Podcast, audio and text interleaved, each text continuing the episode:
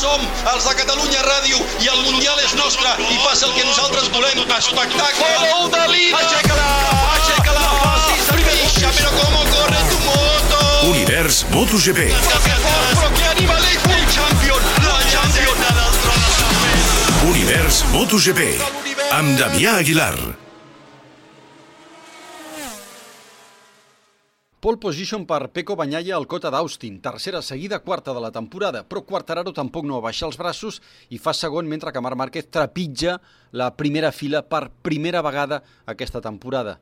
És clar, es trenca la ratxa de 7 pols seguides de Marc Márquez i resulta que Peco és el primer italià que fa 3 pols seguides des que el 2009 ho va fer Valentino Rossi, encara que Peco ha dit que per ell no significa res igualar el seu mentor. Serà una cursa ben interessant, en un circuit diferent, que temoreix els pilots. Sí, siguem clars. Quan has sentit d'un pilot dir que tenia por? Sí, ja sé que recordes algun després d'una cursa en pluja als Països Baixos, però no cal citar-lo. Em refereixo en general. Jo, mai. Univers MotoGP. Els pilots de MotoGP han assolit la unanimitat a l'hora de criticar l'asfalt del circuit de les Amèriques. Resulta que, diu una versió, està construït sobre un terreny gens estable i que és inevitable que aquesta pista presenti sotracs o ondulacions. Hi ha diversos punts del circuit reasfaltats, però d'altres, com el revolt 10, tenen un sotrac perillós. De fet, els revolts 2, 3, 4, 5, 6, 10 i 14 estan malament. D'entrada, et deixo que escoltis tres pilots, Quartararo, Pol Espargaró i Alec Rin. Són paraules seves de divendres. It's just acceptable to race, so I think a joke. Aquesta pista és justeta per córrer. És un acudit, no és una pista de MotoGP. Una volta la fas, però per fer-ne 20 ho passarem malament.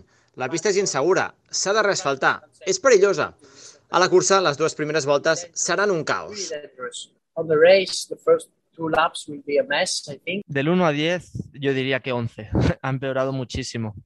Sí, sí, es, es, es muy bestia. No, no, no os hacéis a la, a la idea lo que, lo que es pilotar aquí eh, con, con, estos baches. Eh, quiero decir, cuando entras a la curva 2, se te mueve toda la moto. Después, cuando haces el cambio de dirección para la curva 3, que empiezan las chicans, todas las chicans enlazadas, és que saliendo de cada chicane és un batxe. No sé fins on començar a pensar en performance i deixar de pensar en la seguretat, no? És, és aquesta fina línia no? de dir, vale, estic quart, està molt bé, però, però m'estic jugant al tipus cada volta i, i no sé què és més important, si la, la meva la, la, la meva vida o, o el ser ràpid, no? o el guanyar, intentar guanyar el diumenge. És aquesta fina línia que sempre tenim, no? que normalment es, sempre estem sobre d'ella caminant en, en condicions normals, però aquí és molt, molt més extrema. Queda clar, no? Divendres hi va haver comissió de seguretat i, segons Aleix Espargaró, el circuit els ha promès reasfaltar almenys entre els revolts 2 i 10. En cas contrari, els pilots no voldran tornar.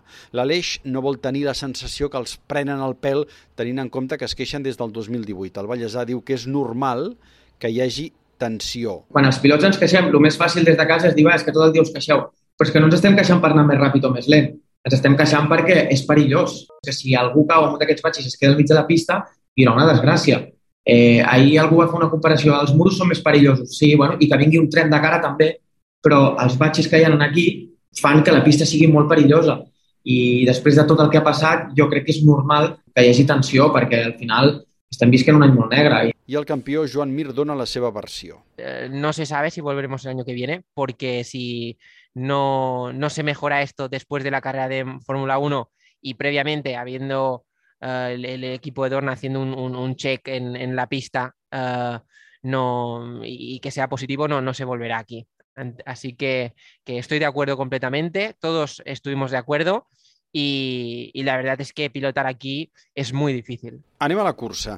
Diu Brad Binder que hi ha una sola traçada entre els revolts 2 i 10, per tant serà zona perillosa i caldrà no precipitar-se. Amb aquest panorama d'una sortida que serà molt sensible i del fet que el físic dels pilots patirà el doble amb aquest asfalt, qui és el favorit?